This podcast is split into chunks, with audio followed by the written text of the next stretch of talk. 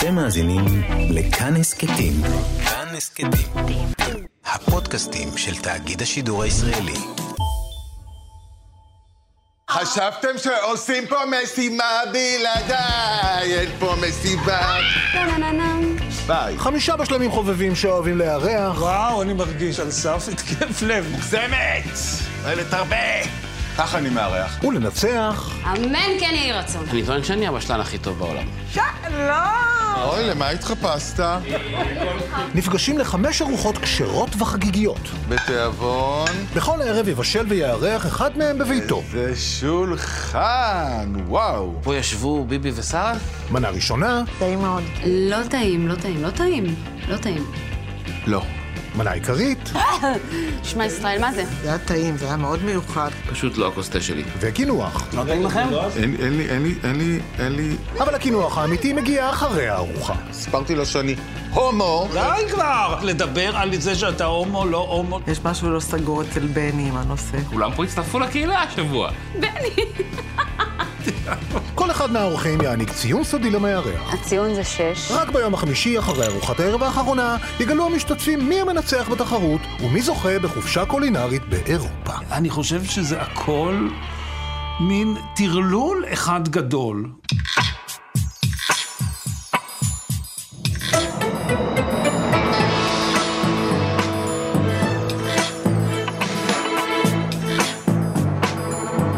מאחורי הקלעים, שעה עם רותי קרן על צידו הנסתר של עולם התרבות והאומנות.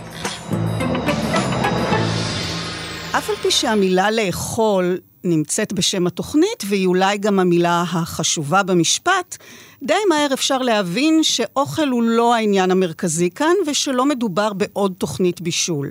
למעשה, אם נראה בתוכנית טלוויזיה תמהיל קולינרי, אז uh, חומרי הגלם המשמעותיים לתבשיל הזה הם האנשים עצמם, אישיותם, מנהגיהם, שפת הדיבור שלהם, האופן שבו הם תופסים את עצמם, וכמובן הקשרים, החיבורים, לצד החיכוכים, שנוצרים בין אנשים זרים לחלוטין, שמקובצים סביב שולחן האוכל, המשמש בעצם רק תירוץ למפגש שלנו, הצופים, עם דמויות שהן אולי כמונו, או לכאורה כמונו, אבל בכל זאת יש שם משהו נוסף. נדמה לי שכמעט כל מי שצופה בתוכנית הטלוויזיה בואו לאכול איתי, המשודרת כאן אצלנו בכאן 11 ומצליחה כבר uh, חמש עונות, שואל את עצמו יותר מפעם אחת, איפה מצאו את האנשים ההזויים האלה? איך מצאו אותם? איך זה עובד? אז החלטנו לנסות ולברר את הסוגיה הזאת, והזמנו לאולפן מאחורי הקלעים את עורכת הליהוק של התוכנית, ענת רשף. אני רותי קרן מגישה ועורכת, דרור אה, רוטשטיין על הביצוע הטכני. שלום ענת. אהלן. ואת מגיעה אלינו היום הישר מיום ליהוקים לעונה חדשה, כלומר, את ממש כרגע בתוך מעשה הרקמה, השזירה של האנשים, של התרכובות. יש עוד uh, בכלל אנשים מוקצנים כל כך, כפי שרובם נתפסים, מוזרים, קיצוניים מאוד? תשמעי, אנחנו רק התחלנו. עוד לא פגשנו את האנשים. אז אני לא יכולה להגיד לך עדיין שאני ראיתי אותם. אבל יש בכלל עוד אנשים כאלה? אני מאוד מקווה. כן, אז מה האתגר מבחינתך בעונה שישית? איך מחדשים, מקצינים עוד יותר? יש גבולות? תשמעי, את יודעת, אפשר הרי להגיע למקומות אה, רחוקים מאוד. אני לא חושבת שהעניין הוא להקצין עוד יותר. זה נכון שבואו לאכול איתי נתפסת כתוכנית שהדמויות שלה הן נורא נורא מוחצנות וביזריות, אבל אם אנחנו נחשוב על זה לעומק, בכל שבוע אולי יש דמות אחת כזאת, שהיא מאוד מאוד שכירה, אבל מה שמשעשע אותנו בעיקר זה המפגש בין האנשים הנורמטיביים לבין אותן תופעות ביזריות, כמו שאנחנו mm-hmm. קוראים לזה.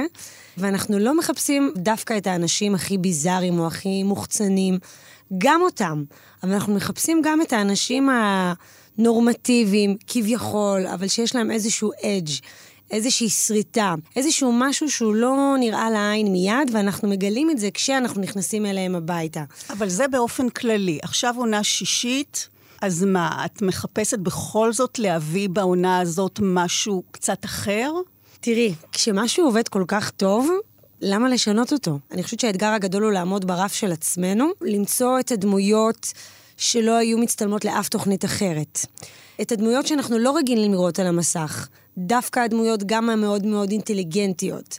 גם את הדמויות המאוד מאוד ביזריות האלה. אני יכולה להגיד לך שגיאוגרפית אנחנו נורא נורא רוצים, העונה הזאת להגיע לדרום הרחוק, לערבה, למושבים שם, לקיבוצים, לבדואים, לאוכלוסיות אחרות, ולא רק למרכז. אולי רק נוסיף למי שעדיין לא צפה בסדרה המצחיקה והנהדרת הזאת, מדובר במעין תוכנית ריאליטי של כביכול תחרות אירוח ובישול בבתיהם של אנשים, יחידים או זוגות, ובסוף כל אה, שבוע בוחרים המשתתפים מנצח שיזכה בנסיעה לאיטליה. אז את המלהקת הראשית של התוכנית הזאת, שכאמור נשענת כמו בכל תוכנית ריאליטי על האנשים שאתם אה, מגייסים להשתתף, ואכן בעברך ליהקת את העונה הראשונה של האח הגדול, היפה והחנון.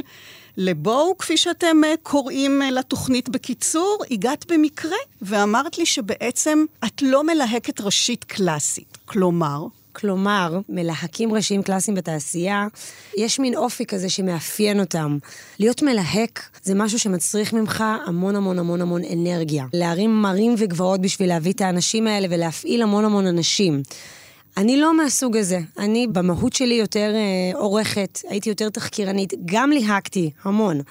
אבל תמיד יותר נמשכתי לעריכת תוכן, לאנשים, לסיפורים, לבנייה שלהם.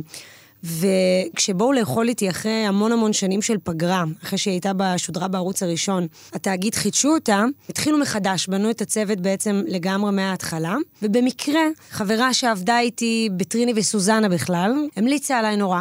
ונפגשתי עם העורכת ועם המפיק הראשי של אה, גיל הפקות, והייתה כימיה נורא טובה, ואני אף פעם לא הייתי מלייקת ראשית לפני, או עורכת ליהוק, והלכנו על זה, וזו הייתה אהבה ממבט ראשון. ושני ושלישי ורביעי הפעם, כי אני לא מוכנה לשחרר את הג'וב הזה לאף לא, אחד אה? אחר. לא מוכנה. לא מסוגלת. זה גדול ממני, זה חזק ממני. אני חושבת העונה הקודמת הייתה אמורה להתחיל לפני. והייתי בחופשת לידה. זה לא מתאים לצאת לעבוד. אה. ובטח לא לבואו לאכול איתי, זה מאוד מאוד מאוד אינטנסיבי. והציעו לי ללהק את העונה הזאתי. וזה שבר את ליבי, שאני לא יכולה וואו. לעשות את זה. וניסיתי לחשוב איך בכל זאת אני יכולה לעשות את זה, ואני אבוא עם התינוק, mm. ואני אקח זה.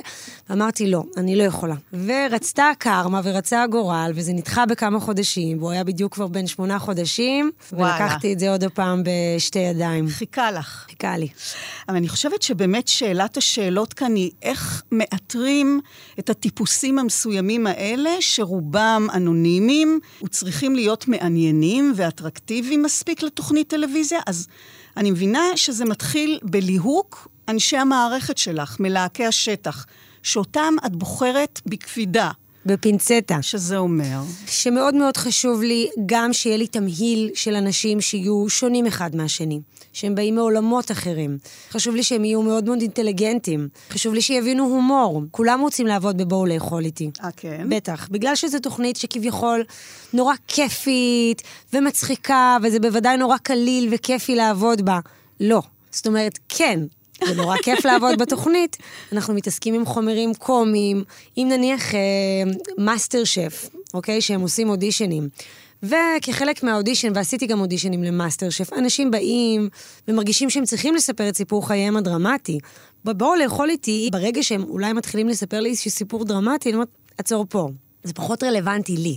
אבל העבודה היא מאוד מאוד קשה, כי הליהוק שלנו הוא בלתי מתפשר. היא גם מחפשת אנשים שיהיה לי כימיה איתם, כן. שמבינים הומור, שיכולים לקרוא את הבן אדם, שיכולים לזהות, שנורא נורא חרוצים, כי אם אנחנו מדברים על איך אתם מגיעים לאנשים האלה, אז אנחנו קודם כל מדברים גם באיכותי וגם בכמותי. אני, בשביל ללהק, לצורך העניין, 25 אנשים, לעונה שיש בה חמישה שבועות.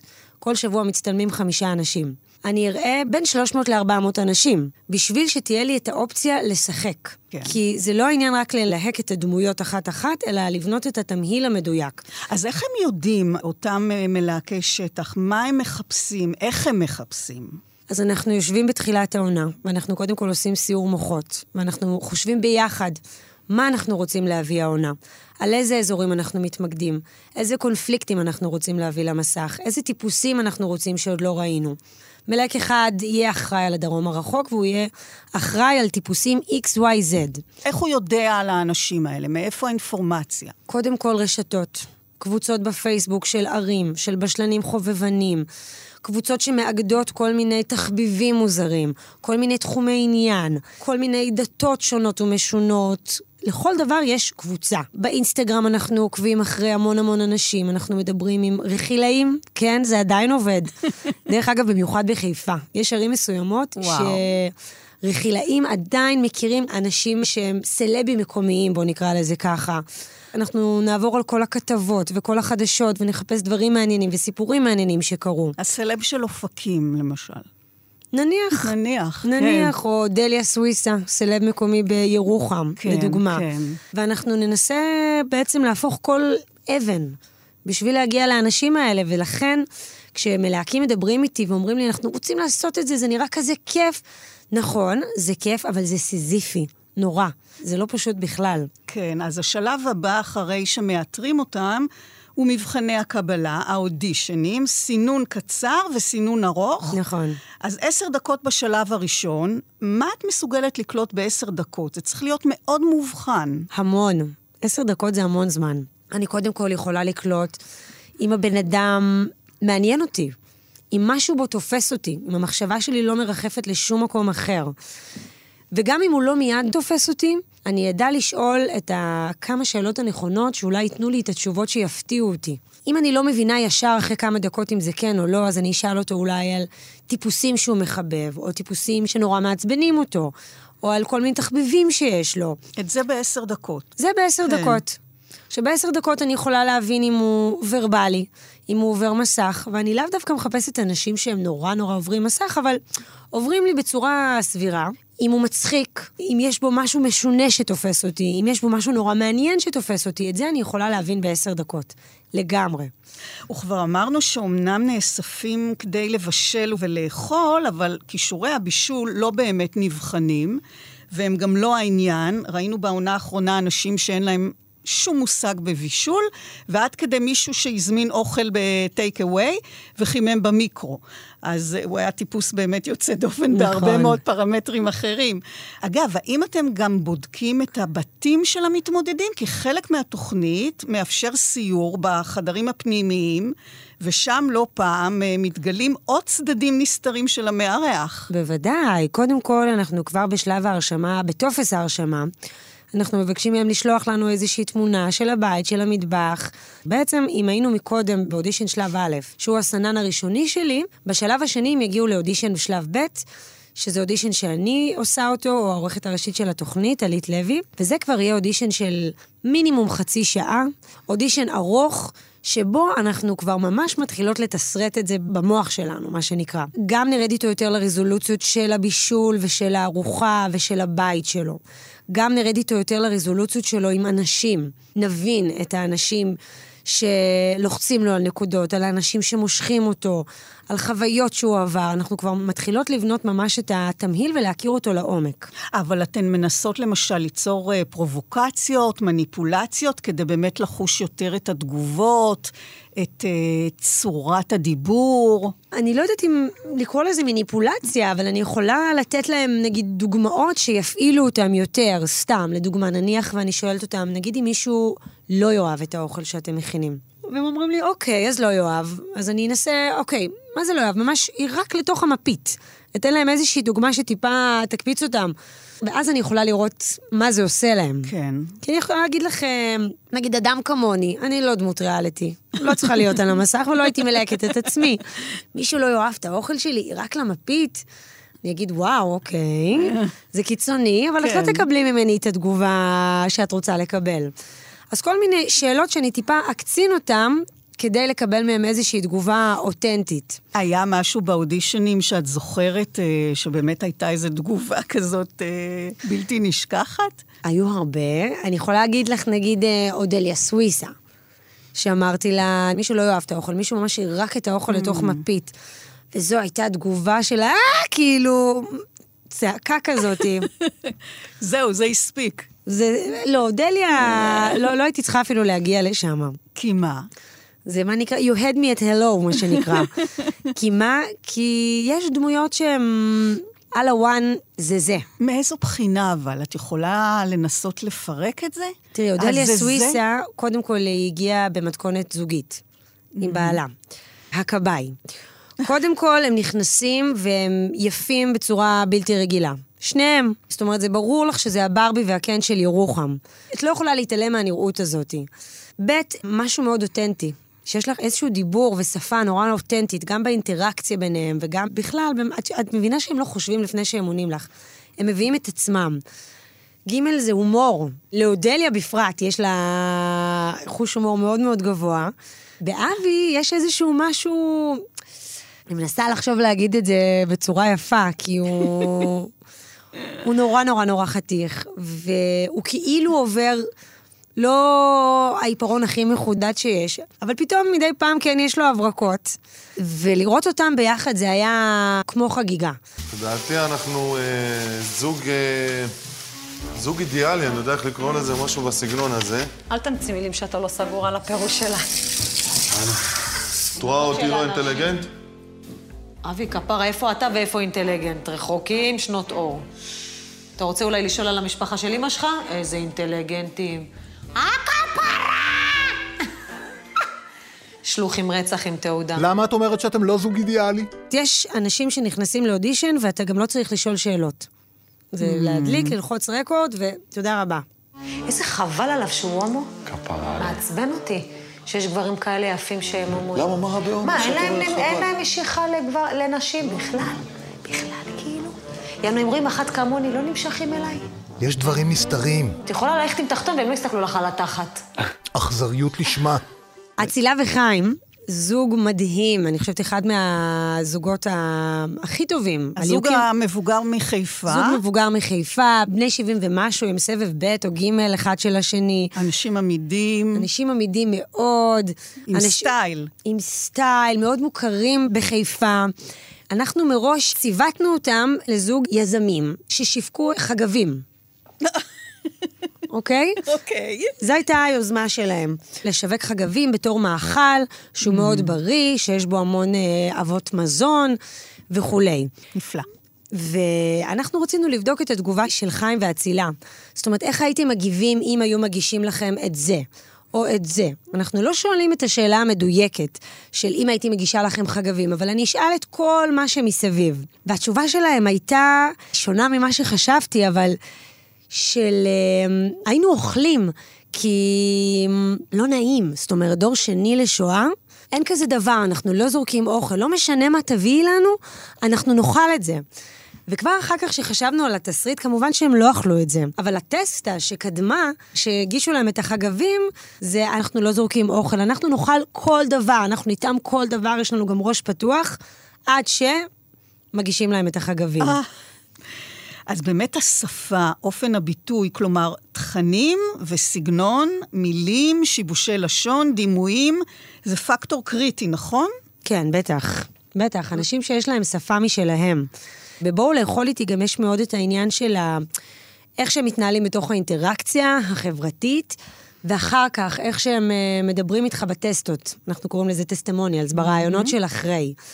ומאוד מאוד חשוב להביא אנשים שיודעים להביע את עצמם בחדות, בצורה הומוריסטית, בצורה כנה, בצורה מדויקת. אז איזה משפטים או איזה מחוות פיזיות אולי, למשל, מכריעות? אז היו את אה, ארתור וג'ול, שזה באמת גם זוג בלתי נשכח מפלורנטין, שהיה בעונת הזוגות ה... שהייתה העונה השלישית. היפסטרים, חובבי חיות, ניקיון זה לא בדיוק מה שמעניין אותם בחיים. מאוד מאוד ספורטיביים. הגיעו לאודישן הישר מתוך ג'וגינג ברחבי העיר.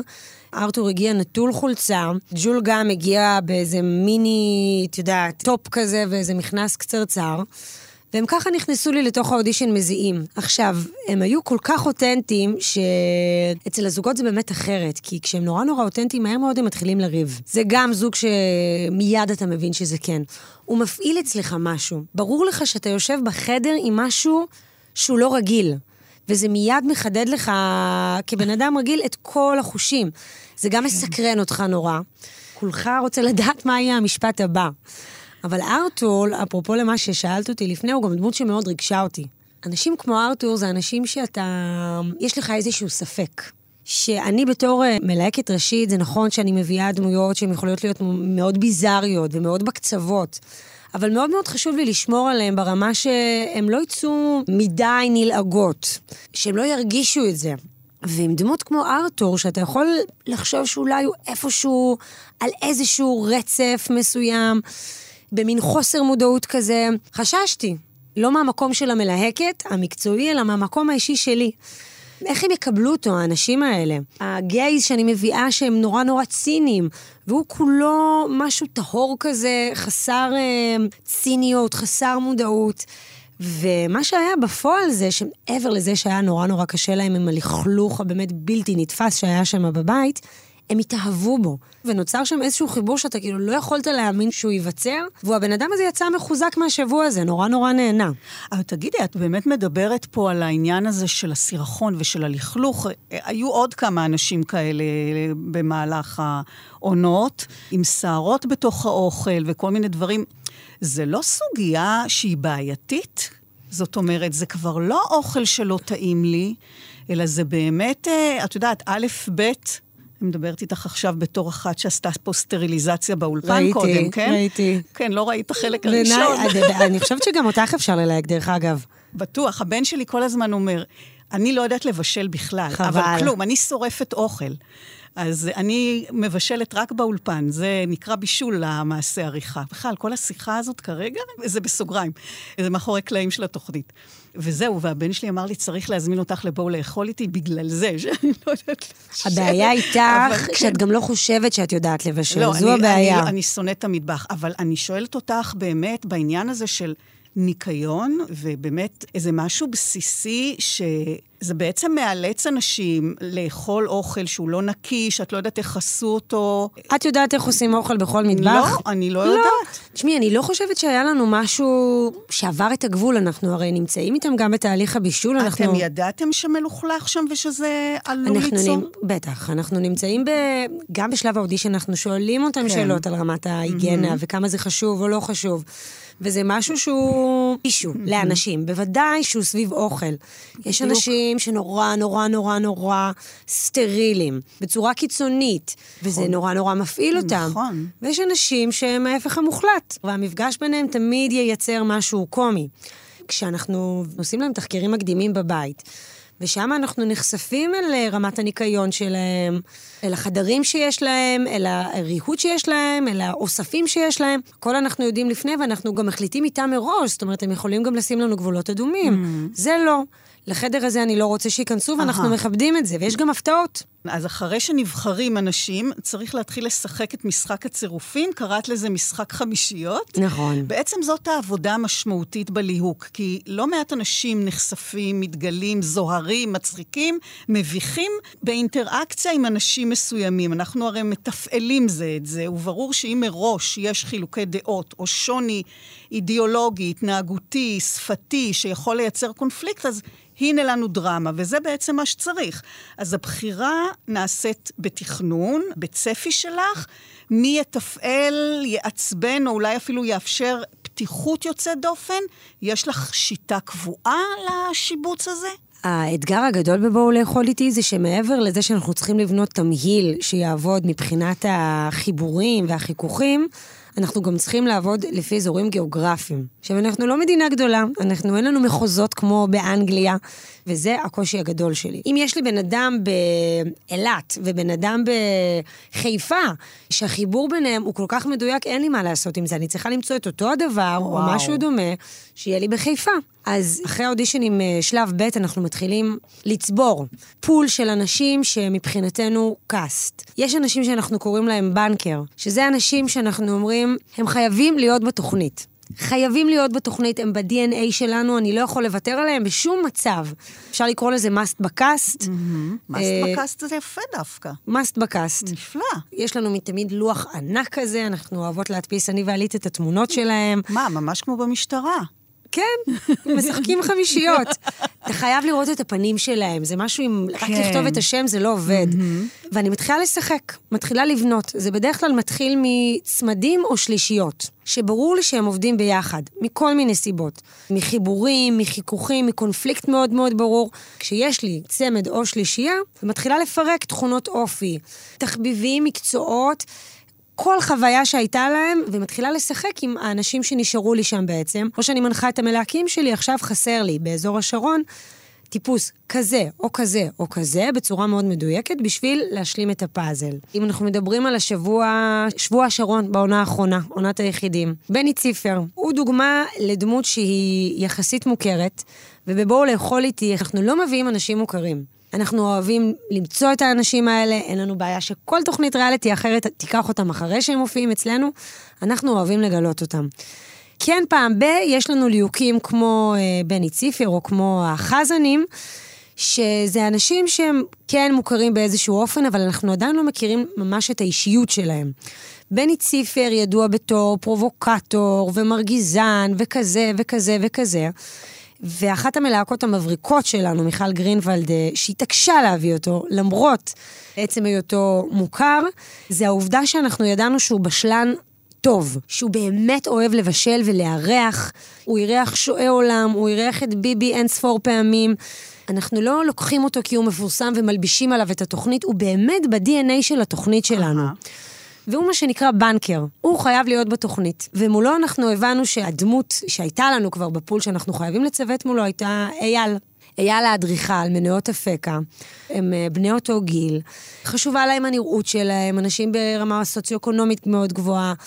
ממש מראה אחד של השני, אבל אנשים שעשו בחירות הפוכות. העובדה שבני היה בארון זה משהו שכביכול היה ידוע, אך לא דובר מעולם. וגם אנחנו לא ציפינו שזה משהו שהוא יוציא בתוכנית. זה בא לנו בהפתעה גמורה לחלוטין, אנחנו לא הובלנו אותו לשם, ולא שאלנו אותו על זה, ממש לא. ידענו שהמפגש בינו לבין אייל, שזה מישהו שהיה מעמודי התווך של היוצאים מן הארון בגיל נורא נורא צעיר, שעשו הורות משותפת בגיל נורא נורא צעיר, שההורים שלו לא קיבלו את זה, שזה לא בתקופה של היום. ובני, שזה משהו שהוא ידע על עצמו ובחר ללכת בכיוון אחר, ולהתחתן וללכת בתלם, וידענו מיד שיהיה כאן חיבור שילחץ על נקודות אחד לשני. לא ידענו בדיוק מה יהיה שם. ואז הייתה לנו את גילי הנהדרת הקיבוצניקית, ששם, נגיד, לא צפינו את האהבה הענקית שתהיה לה עם בני ציפר. אוי, היא הסתחררה ממנו לגמרי. היא התאהבה בו לגמרי. לחלוטין, נכון. והוא בא. כן. עכשיו, אנחנו דווקא זיהינו שם נקו- נקודת חיכוך.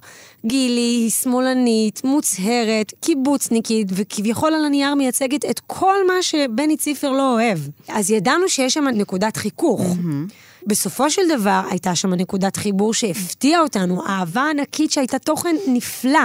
זאת אומרת, תוכן לא... ופפיונים. ופפיונים. תוכן לא חייב לבוא רק מריבים.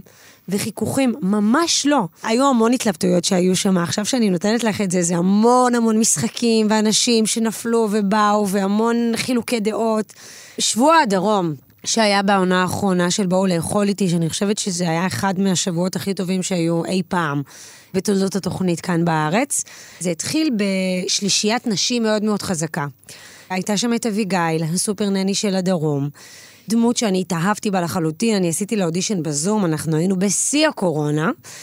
אינטליגנטית, טובת לב. יש שם גן מסוים של אה, משהו מאוד מאוד מוגזם בדיבור שלה, בשפה שלה, בזה שהיא מדגישה כל מילה, בזה שהיא חיה את המקצוע שלה ואת האימהות שלה. אפילו בתוכנית היא אני אוהבת הכל גדול. אצלי בבית הכל גדול, גדול. ואתה מיד מבין את סולם הערכים שלה. וקציעה, שמיד ידענו שזה ציוות מושלם. גם נשים שהן סוג של מראה אחת לשנייה, בנות אותו גיל, שתיהן מטפלות, אבל שונות לחלוטין. אחת שהיא סקסולוגית, וסקס מבחינתה, וכל הדיון עליו הוא משהו שהוא נורא נורא נורא טבעי וחשוב, ומישהו כמו אביגיל, שזה נורא נורא נורא מביך אותה. המשפחתיות באה לפני הדבר הזה, זה לא משהו שמדובר. איב, שנכנס אחר כך לתמונה, שזה דמות שהוא הרווק הנצחי מבאר שבע, שאל תדברו איתי בכלל על זוגיות ועל משפחה, ואל תנסו לחתן אותי. ומיד ידענו שיכול להיות שם משהו מעניין עם אביגיל, שזה בעצם כל מה שחשוב לה וכל מה שהיא חושבת שחשוב בעולם הזה.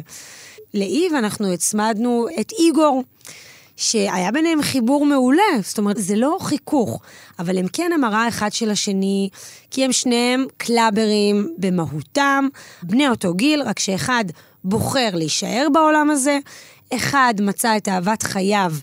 והוא כביכול בא באג'נדה של זה ריק להישאר רווק, ובסוף, אחרי כל הבילויים וכל הבחורות, אתה נשאר לבד עם הכרית. והם לגמרי הפוכים אחד מהשני. עכשיו, בלי לריב, זה כן. היה שם, הנושא הזה. ומולם שתי נשים בשלות, מבוגרות יותר, שברור שגם הבחורים הצעירים עושים שם משהו, ואתה חושב על כל הדברים שהדינמיקה הזאת יכולה זה לבנות. לא רק זה, זה גם הבית שם של קציעה עם כל האביזרים, כן? אה, בוודאי, זה. אחר כך נכנסים כן. גם הבתים שלהם, ומה שקורה בתוך הבתים שלהם, ובית של רווק, ובית של זה, ובית כן. של זה. לא, הבתים הם שיעויות בפני עצמן. אבל הם לא stand alone. נכון. אנחנו אבל- לא נוכל אבל- לבחור בן אדם גם אם יהיה לו את הבית הכי מטורף בעולם, אם הוא עצמו לא דמות. היה לכם עוד איזה חיבור שככה עורר קושי. כן, אני חושבת בשיבוץ. שאחד הליהוקים אה, הכי מאתגרים שהיו לנו בבואו לאכול איתי, זה השבוע הכשר בעונה הרביעית.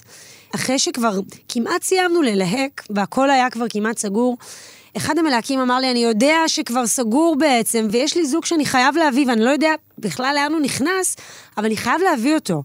וזה היה זוג גייז, תל אביבים, דתיים, דתיים מאוד, ומדהימים, ואינטליגנטים. אחד רופא ואחד עורך דין, והרופא הוא בשלן לא נורמלי. והם גרים בפנטהאוז משוגע בכיכר המדינה, והם פשוט אנשים שאתה אומר, זה must, אני חייב.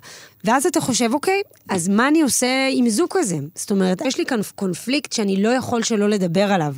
יש לי כאן זוג גייז, דתיים, ששומרים על האמונה שלהם באופן מאוד מאוד מובהק, אבל הם גייז. ואני צריכה עכשיו אה, להושיב לידם בשולחן אנשים שיש להם בעיה עם זה, שתופסים את זה באופן שסותר את הדת, אבל מצד שני, הם חייבים להיות מספיק ליברליים בשביל לאכול אצלם בבית. וזה היה מאוד מאוד קשה. אני חושבת שאני ראיינתי עשרות זוגות דתיים, שידעתי שמאוד מאוד קשה להם עם הדבר הזה, אבל כשהגעתי לרחרח איתם בשאלות מהסוג, אז מה קורה אם נגיד הייתם מתארחים אצל אנשים שהם כאלה או כאלה, ונותנת כל מיני דוגמאות, ונגיד זוג שהם גייז והם דתיים, והתשובה הייתה מיד, אין סיכוי שאני אוכל אצלם. ואני לא יכולה לקחת כן. את הסיכון הזה שהם לא יאכלו אצלם. אין לי תוכנית. וזה היה אתגר מאוד מאוד מאוד קשה עד שאנחנו הגענו לזוג אה, שבעצם הבחור הוא מנאמני הר הבית.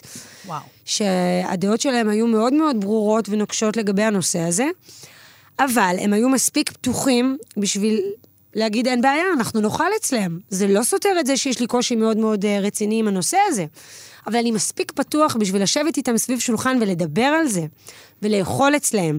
והם ישבו אצלם בבית והם התענגו על האוכל של הרופא.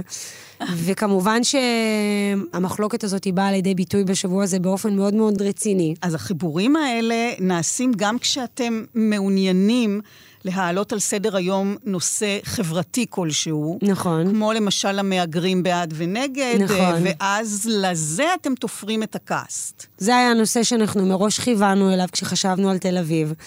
ורצינו להביא פרק על תל אביב אחר. זאת אומרת, תל אביב היא לא מה שחושבים, היא לא רק האנשים המגניבים, ההיפסטרים הצעירים, ממש לא. הבסיס של השבוע הזה היה הקונפליקט בין אושרית, מנכ"לית בהתנדבות של אה, עמותה נגד מסתננים, שהיא בן אדם טוב לב במהותו, אין לה שום כוונה רעה. זה הערכים שהיא גדלה עליהם בבית. ומבחינתה זה משהו שמאוד מסכן אותה ואת הסביבה שלה. ומולה את הפיליפינית, בת למהגרים פיליפינית, קייסי, שאבא שלה גורש, והחיכוך היה שם מאוד מאוד ברור, וסביב הדבר הזה אנחנו בנינו את החמישייה הזאת. וחשוב לציין, אושרית התאהבה בקייסי, ואנחנו גם ידענו שזה מה שיקרה. כן, אז זה היה קונפליקט פנימי בעצם שקרה שם גם. זה בתוכה. לבוא ולהראות, אתה בא כן. להראות את הקונפליקט, אבל ברגע שאתה תשים את האנשים האלה סביב שולחן, בעצם יכול להיות חיבור. ו- אבל היה לכם שם עוד תוספת משמעותית? הדס, שבעצם... הגבירה אה, את הלהבות. הגבירה את לשני הלהבות. הצ- בעצם היא הייתה, היא הפתיעה, כי היא בעצם הייתה חוליה מקשרת לשני כיוונים. היא הפתיעה באופן שבו היא מיהרה להגן על קייסי. זאת אומרת, אם קייסי בשלב מסוים הייתה יכולה להגיד, טוב, לא בא לי, זאת אומרת, אני מרגישה שאני מדברת אל קיר בנושא הזה. הדס לא יכלה לעצור את עצמה, זה הטריף אותה. והדס גם דמות מפתיעה, אם אנחנו מדברים על תל אביב, אז אתה רואה אותה ואתה בטוח שהיא תגור כנראה בדיזינגוף, או באיזה- ב- ב- בלב נכון. העיר באיזשהו מקום מגניב, והיא גרה בשכונת הארגזים, שלוש דקות הליכה מאושרית. כן. אבל היא דמות שונה לחלוטין, עם אג'נדה אחרת לחלוטין, כביכול מישהי נורא צינית, שלא אכפת לה ולא אכפת לה, אבל שפתאום יש נושא כזה שמדובר ובוער בה, היא לא יכולה להחזיק את עצמה. מי באמת הפתיע אתכם? כלומר, הבחנתם את הפוטנציאל, בחרתם, אבל המפגש עם האנשים, ובעיקר עם המצלמה, הוציא מהם הרבה מעבר למה שציפיתם. אז אם אנחנו כבר מדברים על אה, אנשים שבעצם הפתיעו אותנו, בסוף אנחנו לוקחים ריזיקות, אנחנו לא באמת יכולים לדעת מה יהיה בפועל, כן. אנחנו יכולים לשער. אז דוגמה למשהו שנורא נורא הפתיע אותנו היה דווקא בשבוע הזוגות בעונה השלישית. היה לנו שם חיבור אה, מאוד מאוד מובהק בין... סימה ובעלה, כולם זוכרים אותה בתור סימה שלא אוכלת, לא נוגעת בבשר, רק בכבד, שרוף שרוף וקבב וזה וזה וזה. שלפני התוכנית עדכנה אותנו שהיא ובעלה מאוד מאוד מתחזקים. עכשיו, ידענו שהם מאוד מאוד מסורתיים, וידענו שאנחנו מצוותים אותם אה, למתקשרת, שבעיני אנשים שהם אה, מסורתיים או מתחזקים זה נתפס כעבודה אלילית וכולי.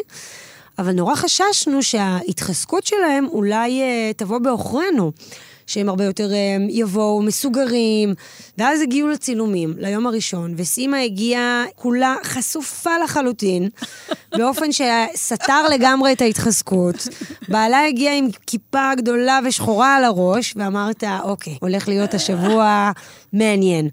וסימה, שהייתה דמות שמראש ידענו שהיא דמות נהדרת, ויושבת על המשבצת שלה עממית, שמדברת חופשי, ויש לה שפה, ולא חוששת לצאת לקרב אם צריך, אבל היא הייתה הרבה מעל ומעבר למה שאנחנו חשבנו.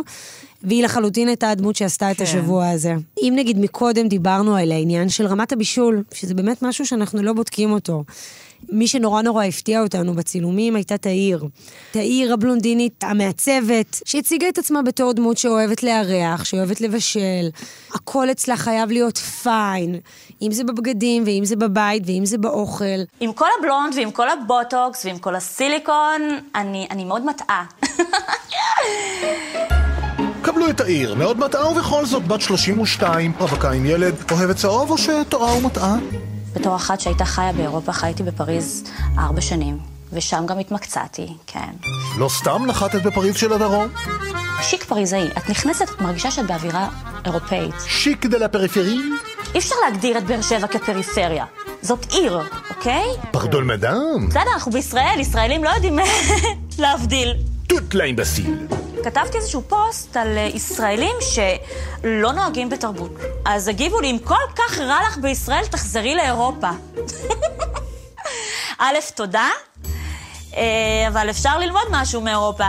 קצת סבלנות, קצת סבלנות. עד האירוח שלה, בכל בית שהיא טרחה, היה לה מה להגיד על כל דבר ועניין, אם זה על הבית, אם זה על האוכל, על הסערה שהייתה בארוחה של אביגיל. ואז הגענו לבית שלה. בתחקיר הבנו שהיא לא הבשלנית הכי טובה בעולם, אבל uh, בצילומים עצמם היא לא ידעה להדליק את התנור בבית. ושם ידענו שכבר הולכת להיות פה בעיה.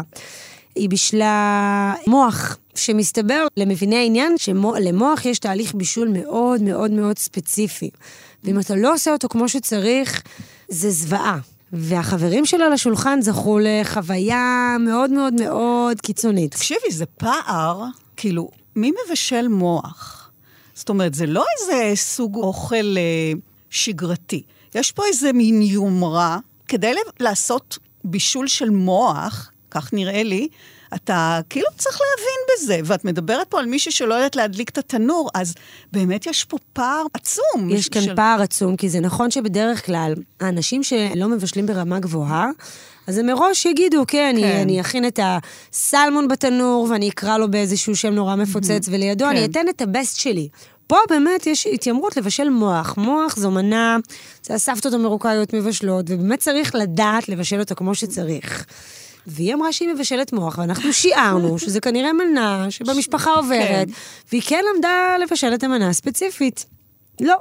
אז זהו, אפרופו העניין באמת שלא לדעת לבשל, אז באמת הזכרנו קודם את אלכס אה, שולץ, שהוא פשוט הזמין אוכל אה, מוכן. נכון. וחימם במיקרו, שזה נראה אפילו לא תקין. אז זה תקין. אנחנו מאוד נאמנים לחוקי הפורמט, עשו את זה במדינות אחרות. זה משהו שאנחנו, כן הסתובב לנו במחשבות וברעיונות. אבל זה הפתיע אתכם, או שידעתם שזה מה שהוא הולך לעשות? בוודאי שידענו, אין כזה דבר. ידעתם שזה מה שהוא הולך לעשות? בוודאי. Mm. הכל מתואם מולנו, אין כזה דבר שאנחנו לא יודעים מה הולך לקרות. הצופה לא ידע, כן. האורחים האחרים לא ידעו. הם גם לא זיהו. הם לא זיהו, שזה היה נהדר. נכון. אנחנו לא ידענו אם הם הצליחו לזהות או לא. אז זה באמת הרעיון שמישהו יעשה טייק אווי, בגלל שידענו שזה משהו שמותר מבחינת חוקי הפורמט לעשות אותו. זה משהו שרצינו, לא חיפשנו אותו באופן מובהק, mm-hmm. כי אנחנו כן מחפשים את האנשים הבשלנים החובבנים.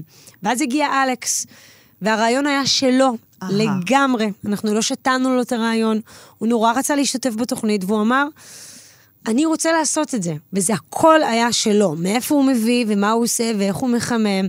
וזה היה נורא נורא מצחיק. את דיברת קודם על החיפוש אחרי נטיות, תחביבים, דעות קיצוניות מוזרות שמתנגשות זו בזו, ואז נוצר קונפליקט, אבל גם אפקט קומי, בסופו של דבר זו תוכנית מצחיקה מאוד, ונדמה לי שאולי בגלל חוסר המודעות העצמית של הרבה מן המשתתפים, אם נזכרנו את העיר, אז יש את הנרקסיסטים, אה, המגלומנים אפילו, אלו שהפער בין המציאות לבין איך שהם רואים את עצמם בלתי נתפס. רק לקנא בהם.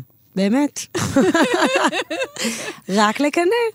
אתה אומר, בסופו של דבר אנחנו חיים את החיים שלנו דרך הראש שלנו, דרך הנשמה שלנו, זה מה שהם מרגישים. אם אנחנו מדברים על דמות כמו אבי עמר, שהוא דמות שאני עשיתי לו אודישן, ובראש אמרתי, זה איציק הרסנטי שלי. איציק הרסנטי זה הדמות המיתולוגית של בואו לאכול איתי, מהעונות הראשונות, שאחר כך האח הגדול יעקו אותו. דמות נהדרת. והוא במובן מסוים אה, הזכיר לי אותו. באופן אחר לגמרי. גם אושייה חיפאית, לא משנה מהקריות. אחד מהעורכי דין הכי טובים באזור שם, באמת מאוד מאוד מצליח, המון המון כסף. והוא חולה על עצמו. ממש. הוא חולה על עצמו, אבל לא רק. הוא איש מרתק. חכם, מסקרן מאוד מאוד. החיבור שלו לאלכס היה מאוד מאוד מפתיע. זאת אומרת, הוא מיד זיהה באלכס אה, לא רק את השטותניקיות, אלא זה הבן אדם הכי חכם כאן על השולחן, זה הבן אדם שהכי מעניין אותי. אז הוא היה דווקא מאוד מאוד מפתיע בסופו של דבר. הייתה לנו את חנה בן שימול, שזו דמות שברגע שאתה מתחיל לתשאל אותה ולשאול אותה על עצמה, היא אומרת, אני חולה על עצמי, אין עליי, אין עליי. ואתה לא יכול שלא להתאהב בה. אתה לא יכול שלא להתאהב בה, ובאמת באיזשהו מקום גם לקנא בה. כמה כיף זה לקום בבוקר ולחשוב שאת הדבר הנפלא ביותר בעולם. אבל כן, באמת... כן, אבל את מבינה, אז זה לא נשאר הרי רק שם. אתה רואה בתוכנית באמת את הפער בין מה שהבן אדם חושב על עצמו לבין אה, המציאות. אני חייבת זה, לומר שאצל... וזה מה שמצחיק כל כך, הרי אחרת חייבת... זה לא היה קומי. אצל חנה בן שמעון, אני חושבת שנגיד אם אנחנו נדבר על ברבי וכן, mm-hmm. הפער הוא לא היה עד כדי כך גדול. כי אתה מגיע אליה הביתה, ואתה רואה שבאמת האישה הזאת חיה בבית חלומותיה, והיא מארחת שחבל על הזמן, לא סתם היא אומרת אני מספר אחת, והיא נראית מדהים, והיא מדברת באופן חופשי ופתוח על כל הבוטוקסים וכל העניינים שלה, ואתה אומר, וואלה, יש משהו. יש לה קייס. יש קייס, יש קייס, את באמת, יש קייס מאחורי מה שאת אומרת. וראית את זה גם על הדמויות האחרות באותו שבוע, שהתאהבו בה.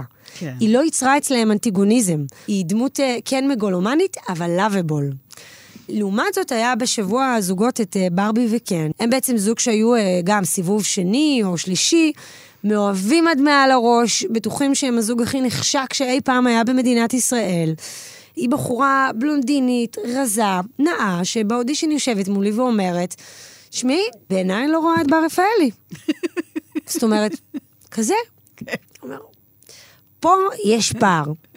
נכון, את נראית אחלה, אבל בינך לבין בר, וזה באמת מה שהיא רואה. ושם אתה ישר מזהה את הפער הזה, אבל היא, בניגוד לחנה בן שימול, יצרה אנטיגוניזם. כי היא הייתה מאוד מאוד מאוד בוטה, גם באיך שהיא דיברה אל שאר האנשים. זאת אומרת, מישהו שישב איתה בשולחן, היא אמרה לו, אתה גיי? והוא יושב שם עם אשתו. אז יש דמויות שונות מגלומניות, בואו נקרא לזה ככה. אני חייבת להתעכב גם על עוד תחושה שנוצרת אצל הצופים תוך כדי שאנחנו מתוודעים, ובעצם לכאורה יושבים איתם סביב השולחן אה, דמויות שמצחיקות אותנו, מרגשות אותנו, אבל יש גם תמיד מישהו בכל חמישייה, יחיד, או לפעמים בני זוג, שהם בלתי נסבלים, ממש מעצבנים, בין אם של דעות קיצוניות, אה, גזענות, או סתם אנשים שאתה ממש לא יכול לראות. אתם חשים בזה? אתם מגיבים לזה? אנחנו בהחלט חשים את זה. אנחנו אף פעם לא רוצים שזה יהיה מדי קיצוני. אתה לא רוצה לעבור את הגבול הזה, אתה כן רוצה שזה ייצר משהו. אבל יש כאלה שבאמת עוברות. זאת אומרת, יש בפירוש את האנשים שאתה פשוט לא יכול לסבול. זה נכון. שמביאים לך את הסעיף. זה נכון, וזה גם עניין של טעם. נכון, אבל השאלה איך אתם מתייחסים לדמות כזאת. אם זו דמות שמבחינתנו היא ב-DNA שלנו, והיא לא רק מעצבנת בדעותיה או בהתנהגות שלה, אלא היא גם מארחת יוצא דופן, ויש לה גם עוד צדדים, ואנחנו יודעים שמעבר לזה שזה צריך להיות עגול. Mm-hmm. אנחנו לא נלהק מישהו רק בגלל שהוא נורא נורא נורא מעצבן. זה יכול להיות גורם מפריע, אבל שוב, אם זה בא בתוך סל של דברים שיש תכונות אופי של אותה דמות, אז זה יכול לשרת אותנו. אם נדבר על... אה, היה לנו בעונת הזוגות זוג מלהבה. היא אה, עבדה בשיווק, אני חושבת, של להבה, וקידמה אותם. והדעות שלה הן בלתי נסבלות, זאת אומרת, מבחינתנו. כן. ואנחנו סביב השולחן שמנו את הזוג אה, של ערבי ויהודייה. שזה אין יותר... פיצוץ מזה. אין כן. יותר פיצוץ מזה, ודרך אגב, גם שם הייתה אהבה מאוד מאוד גדולה. בדומה לאושרית כן. וקייסי. כן. ידענו שזה יקרה גם, עדיין. ומי שדווקא הלהיט את הפיצוץ, זה היה הזוג השלישי, של השמאלנים, פמיניסטים. הם הביאו את הלהבה. נכון. על חוסר המודעות הוא בכל מיני וריאציות, גם אם באמת הדברים הזויים, כמו איש מפלצת הפסטה. כן. או אלכס... אה, שהוא דרך אגב איש שמאוד מאוד, אה, בהרבה מובנים, מאוד מודע לעצמו. כן, הוא מודע לעצמו. הוא לא נכון, לא דמות... אה, אבל... לא יודעת, הוא מודע ולא מודע. כלומר, לכן אני אומרת שזו איזו וריאציה. נכון. או אלכס אה, עם מחסן התחפושות בחדר שלו.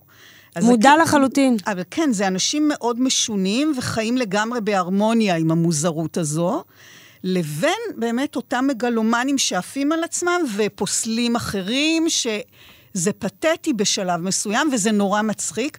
תשמעי, חנה בן שימול, שדיברת עליה, שהיא באמת דמות גדולה מן החיים, אבל uh, לחלוטין... בעיניי, לא מודעת, חוסר המודעות מן הסתם דוחף את האנשים האלה להשתתף בתוכנית. כדי להתפרסם, כדי באמת uh, להביא את הצרכים שלהם לקהל, כדי להופיע. יש אנשים שמסרבים, או כאלה שהסכימו ואז התחרטו? בוודאי. זה חלק מתהליך הליהוק, זה העניין הזה שאנשים uh, מתחרטים, מתלבטים. וחלק מהעבודה שלי זה בעצם לרתום את האנשים האלה ולשכנע את האנשים שאני מרגישה שהם חייבים להיות בקאסט. דוגמה לזה זה למשל אביגיל שדיברנו עליה מקודם, הסופר נני של הדרום. בן אדם ממקצוע מכובד, מטפלת, נורא רצתה להיות בתוכנית, ואחר כך הלכה ודיברה עם אנשים, עם קולגות שאמרו לה, תקשיבי, את לא נורמלית, את היא ללעג, זה יפגע בך מקצועית, אל תעשי מזה, את לא יודעת איך את עומדת לצאת. עכשיו, אם אני הייתי חברה שלה, או הייתי הבת שלה, יכול להיות שגם אני הייתי אומרת לה את אותו הדבר. אבל uh, זו באמת הייתה דוגמה למישהי שאני לא הסכמתי לוותר עליה בשום צורה. אנחנו דיברנו באמת שיחות של שעות. ועל הילדים שלי, ואני אימא לשלושה, והיא יעצה לי דברים, והיא סיפרה לי על עצמה. כלומר, שבהם... השתמשת בעצמך אה, באיזשהו אופן כדי לשכנע אותה, פתחת את עצמך. תמיד כשאתה תרצה להגיע לליבו של מישהו, אתה רוצה mm-hmm. לדבר איתו ברמה האישית. כן. כי נורא נורא חשוב שאנחנו עושים טלוויזיה, והאנשים האלה מתמסרים אלינו.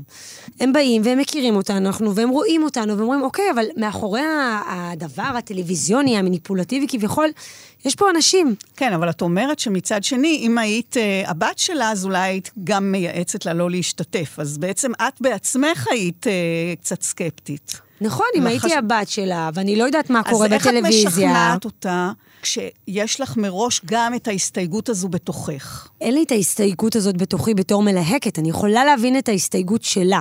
ושל הבת שלה ושל הקולגות שלה, אני לגמרי אז יכולה איך את- להבין איך אותם. את אה, צולחת את זה? אז אני צולחת בזה, את זה בזה, קודם כל, שאני מתחברת אליה, ואני גורמת לה להבין שיש פה בן אדם מאחורי הדבר כן. הזה. אני גורמת לה להרגיש מאוד מאוד אה, חשובה ומעניינת, וזה נכון מבחינתי. אני מסבירה לה שאני לא נלחמת ככה על כל בן אדם, שאני חושבת שהיא באמת דמות יוצאת דופן. שאני רוצה להראות על המסך. כן. שאני חושבת שהיא מעניינת, שאני חושבת שהיא מצחיקה, שאני חושבת שזאת תהיה לה חוויה נהדרת. שאני חושבת שהיא לא יכולה לצאת משהו שהיא לא.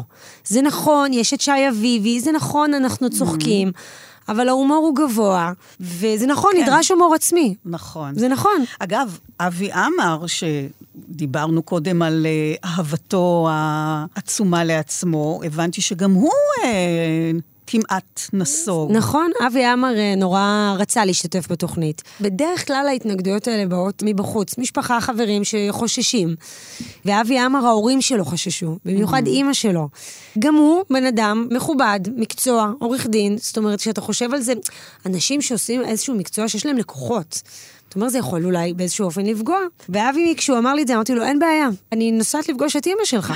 זאת הבעיה. ונסעת? לא נסעתי, כי הוא השתכנע עוד לפני. בזכות מה? כשאתה רוצה לשכנע מישהו להשתתף בתוכנית טלוויזיה, אתה צריך לזהות מה היה האינטרס שלו מלכתחילה להגיע לאודישן, כי הרי לא כל בן אדם בכלל יגיע לאודישן לתוכנית כזו או אחרת.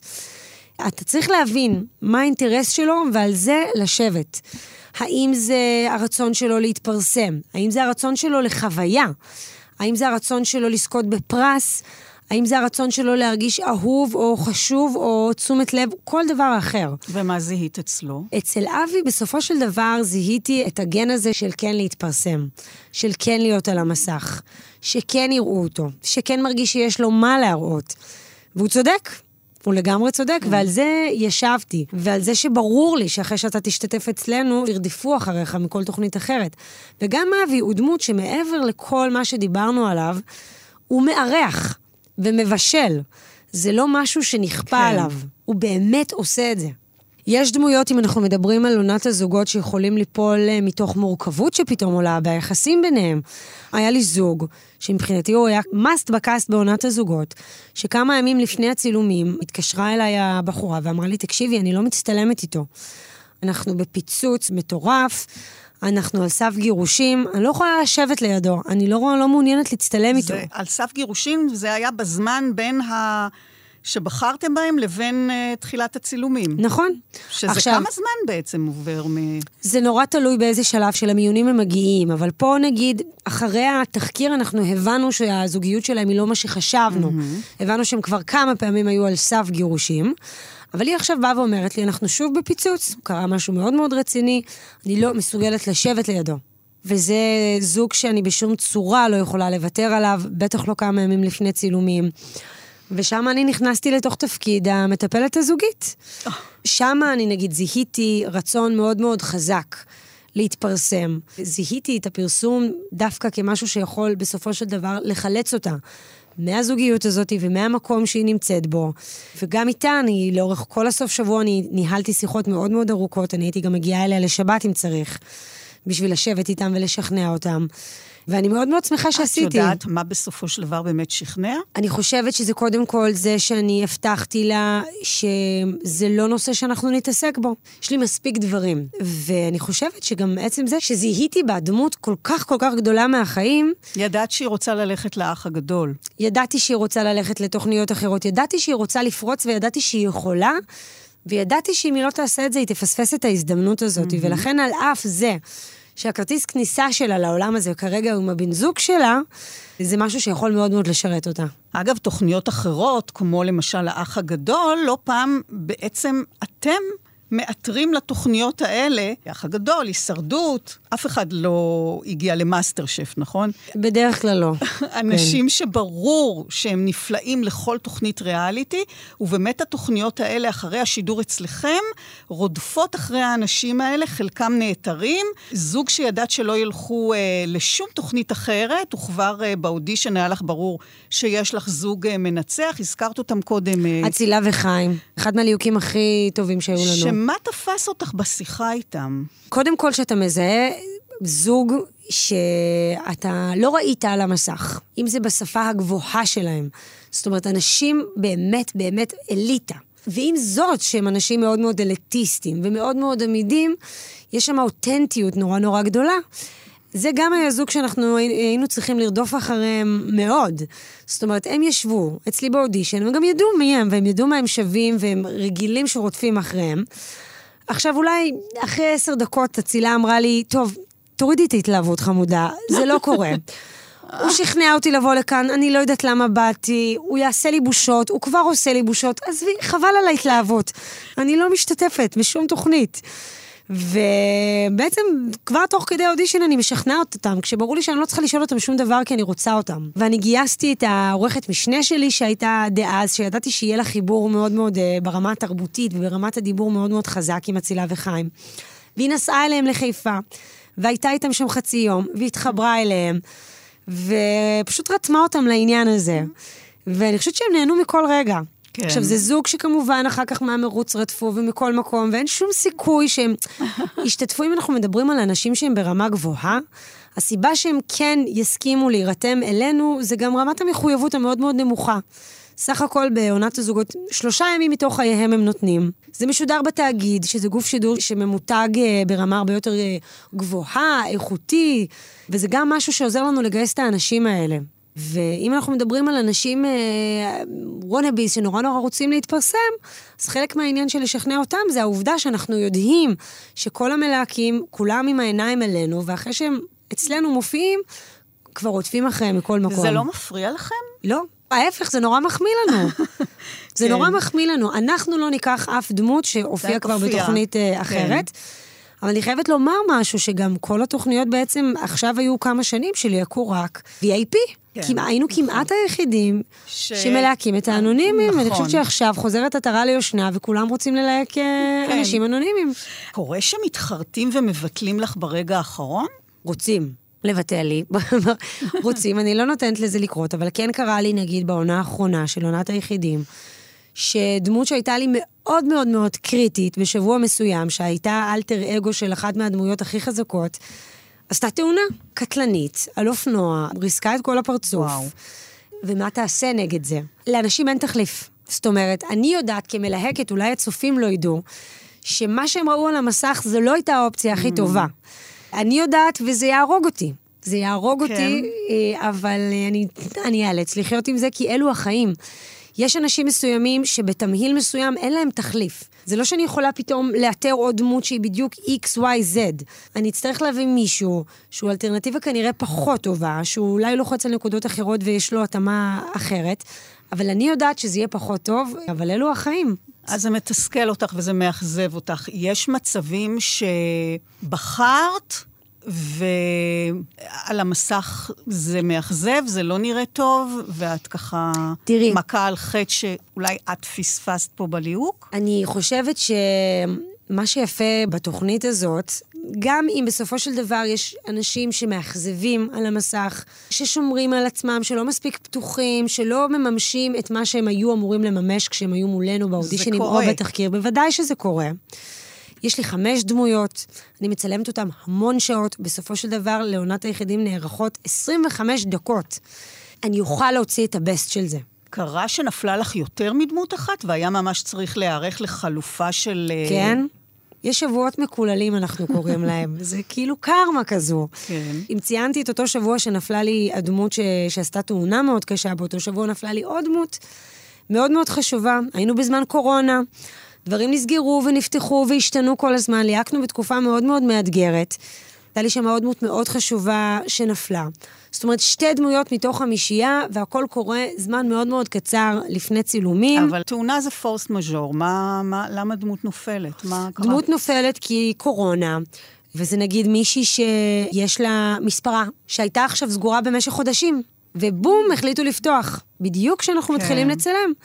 והיא אומרת לי, אני לא יכולה לא להיות שבוע. אני חודשים הייתי סגורה. כאילו, יש, יש כל וואו. מיני תנאי חיים ש, שקורים. למרות שזה יכול להשתלם לאחר כך, את יודעת. מבחינתה, היא הייתה סגורה כן. חודשים, ואני... אז מה... מה את עושה?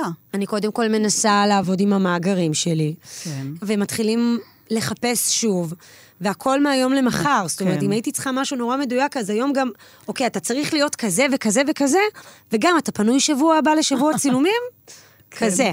זה כאילו משימה בלתי אפשרית, בסוף זה קורה, בסוף זה מצטלם. ויוצא שאולי לפעמים אה, החלופה דווקא טובה יותר ממי שהיה צריך להיות? לא.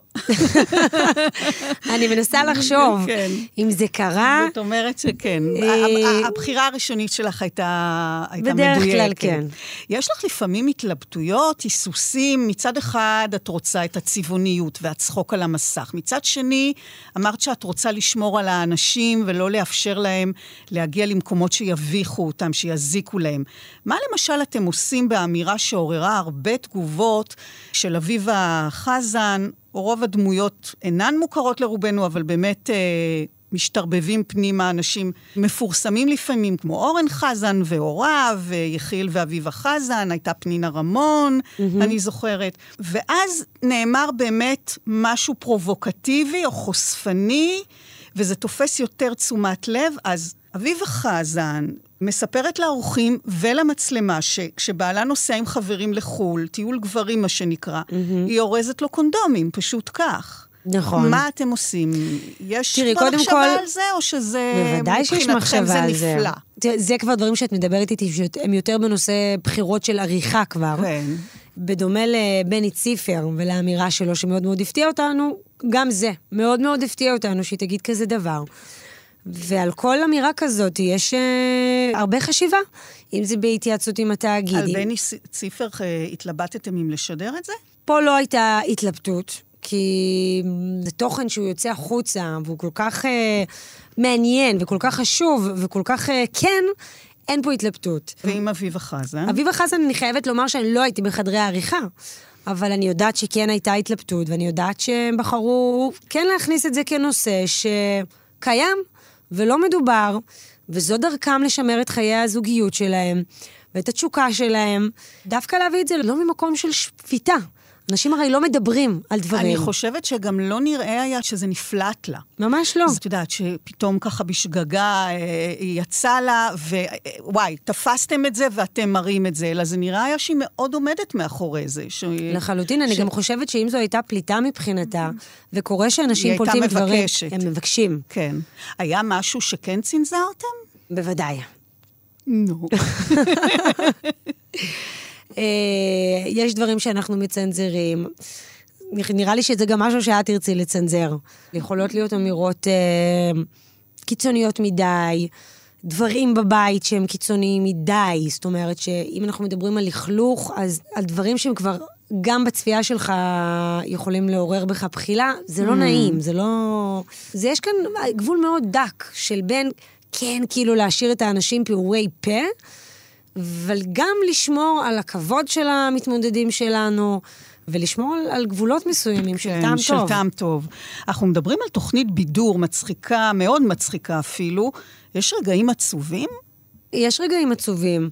הם בדרך כלל לא נופלים בח- בחדרי העריכה. נופלים? כי, כי זה לא השפה שלנו.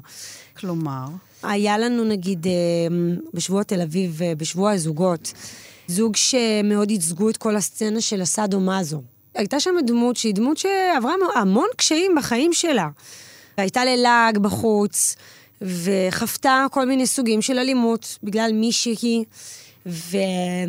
והוא החליט להגיע לצילומים ביום השלישי כשהוא לבוש על הנש, מה שנקרא. זאת אומרת, שהוא לבוש כמו שהוא יכול להיות לבוש באיזושהי סצנת אה, כן. סאדו מאזו. דווקא, כי הוא אומר, אני רוצה גם שתראו אותי ככה, וזה באמת עורר דברים, וזה לא היה מתואם מולנו. זאת אומרת, זה משהו שהוא החליט שהוא רוצה לעשות. הוא כן עדכן אותנו כמובן. כן. וכשהוא חיכה בחוץ לטסטות, תוך כדי הצילומים, אני, הוא חווה אלימות מילולית. בחוץ, משהו שממש העלה לו דברים מהעבר, מהילדות, וגם כל השבוע הזה העלה לו התמודדויות שהיו לו. דווקא גם אה, כל מיני דמויות כמו תאיר למשל, שמציגות את עצמם באופן מסוים, ואז אתה מגיע אליהם הביתה, ואתה חווה את איך שהם באמת חיים. זה יכול לעשות לך קצת אה, קווצ'י קווצ' כזה בלב. אתה נפגש עם החיים עצמם. יש אנשים שהתחברת אליהם במיוחד, נקשרת, שנכנסו לך ללב ונשארו איתך, בין אם נשארת איתם בקשר, או בין ככה במחשבות אחרי תום הצילומים? וואו, זה כבר המון אנשים. אז אה, זה כבר המון המון המון אבל את אנשים. זוכרת את כולם. אני זוכרת את כולם, ואני אוהבת כמעט את כולם. אם דיברנו על ארתור, שהוא דמות שנכנסת לך ללב, אביגיל זו מישהי שנכנסה לי ללב, הדס זו מישהי שבעולמות אחרים יכלה הייתה להיות אה, חברה שלי. אני לא נוהגת אה, ללהק חברים. וגם לא משפחה שלי. היה זוג ספציפי אחד שיש לי היכרות מוקדמת איתם, שהם ככה חברים מאוד מאוד טובים, של אחת החברות הכי טובות שלי, שזה רועי דן ואשתו חגית, שהיו בעונת הזוגות. שהם אה, יושבים על הז'אנר של מעריצי התוכנית, חולים על התוכנית, מודעים לעצמם במיליון אחוז, ובאים בשביל ליהנות. ומראש אומרים לנו באודישן, בבקשה ששי יצחק עלינו כמה שיותר, הם אפילו מתכתבים איתו כבר בטסטות. הם צוחקים על עצמם תוך כדי. אז זה כמובן אנשים שאני אוהבת אה, בלי שום קשר, אבל אני חושבת שאני כמעט את כל המלוהקים שלי נורא נורא נורא אוהבת. באמת, כולל אבי עמר, ובטח חנה בן שימול, כן. יש רגע, או ערב, או אינטראקציה שמבחינתך זו גולת הכותרת, משהו שאת יכולה לזקוף לחושים שלך, לבחירות שלך, לטעם, למקצועיות, לתפקיד, שהוא נפלא והוא בזכותך? וואו, זה, זה קודם כל אה, רגע המפגש. יש תמיד את רגע המפגש, שהוא הרגע האותנטי הזה, שבו אתה אומר, זה יתממש או לא יתממש, הדבר הזה שאני דמיינתי. איך זה יתממש, באיזה עוצמה זה יתממש. ואת כאילו ממש רואה את כל מה שהדמיין שיהיה בחיבור הזה בין הדמויות. כאילו כל הדברים שאתה חושב עליהם מראש, mm-hmm. לרוב קורים. ואז זה, זה מה שגורם לך אושר. בגדול, מה שגורם אושר, שזה בסופו של דבר, שזה מצליח, שזה מצחיק, שזה מבדר, שזה... וגם שאנשים בסוף נהנים. כמה שזה נשמע כאילו, מה אכפת לי? אני עושה טלוויזיה. נורא נורא חשוב לי שבסוף השבוע הזה ירגישו ש... שהם עברו חוויה כיפית. אז עכשיו, כשאנחנו תכף נכבה מיקרופונים, את תחזרי לשיחות הליהוק. לא נמאס לך לפעמים? לא, זה מדהים שפנו אליי עם עונה רביעית, וחשבתי לעצמי, כמה פעמים עוד תעשי את זה? כן. ואיכשהו, ספציפית, התוכנית הזאת והליהוק הזה לא מצליח להימאס עליי. מה מניע אותך בכל פעם מחדש שאת כאמור לא מוכנה לשחרר לאף אחד אחר? את יכולה לשים את האצבע על הסיבה? אני חושבת שזה כמה דברים. אחד, כי בסוף זה אנשים, וזה תמיד אנשים אחרים. וברגע שהמצלמה נדלקת ואני מתחילה לראות את האנשים שמגיעים אליי, אני נדלקת. המצלמה נדלקת ואת נדלקת. המצלמה נדלקת ואני נדלקת, הם מתחילים להגיע והראש מתחיל לחשוב. וזה תמיד יפתיע אותך, כמה אנשים יש וכמה גוונים של אנשים יש. וכמו שאת שואלת אותי, מה, עדיין נשארו אנשים כאלה? כן, עדיין נשארו ותמיד יהיו, כי אנשים זה אנשים. וגם העובדה שזה פשוט נורא נורא כיף, אה, האנשים שעובדים בתוכנית, תהליכי העבודה, האתגר, זה בסוף נורא נורא כיף, זה נורא נורא קשה גם. ואני מאוד מאוד מקווה שגם הפעם אנחנו נצליח להתעלות על עצמנו ולהכין עונה שתהיה לעונג לכולם. ענת רשף, תודה רבה לך. תודה רבה לך שהזמנת אותי. אז uh, אני שולחת אותך לכיף שלך. לי היה מאוד כיף איתך. תודה. בתוכנית מאחורי הקלעים שוחחנו היום על מלאכת הליהוק של סדרת הטלוויזיה בואו לאכול איתי, המשודרת בכאן 11. תודה למלהקת הראשית ענת רשף. אני רותי קרן מגישה ועורכת. עוד תוכנית גם בשישי הבא בשש, ובשבת אה, בשתיים בצהריים, וגם בהסכת לצד כל התוכניות הקודמות. להתראות.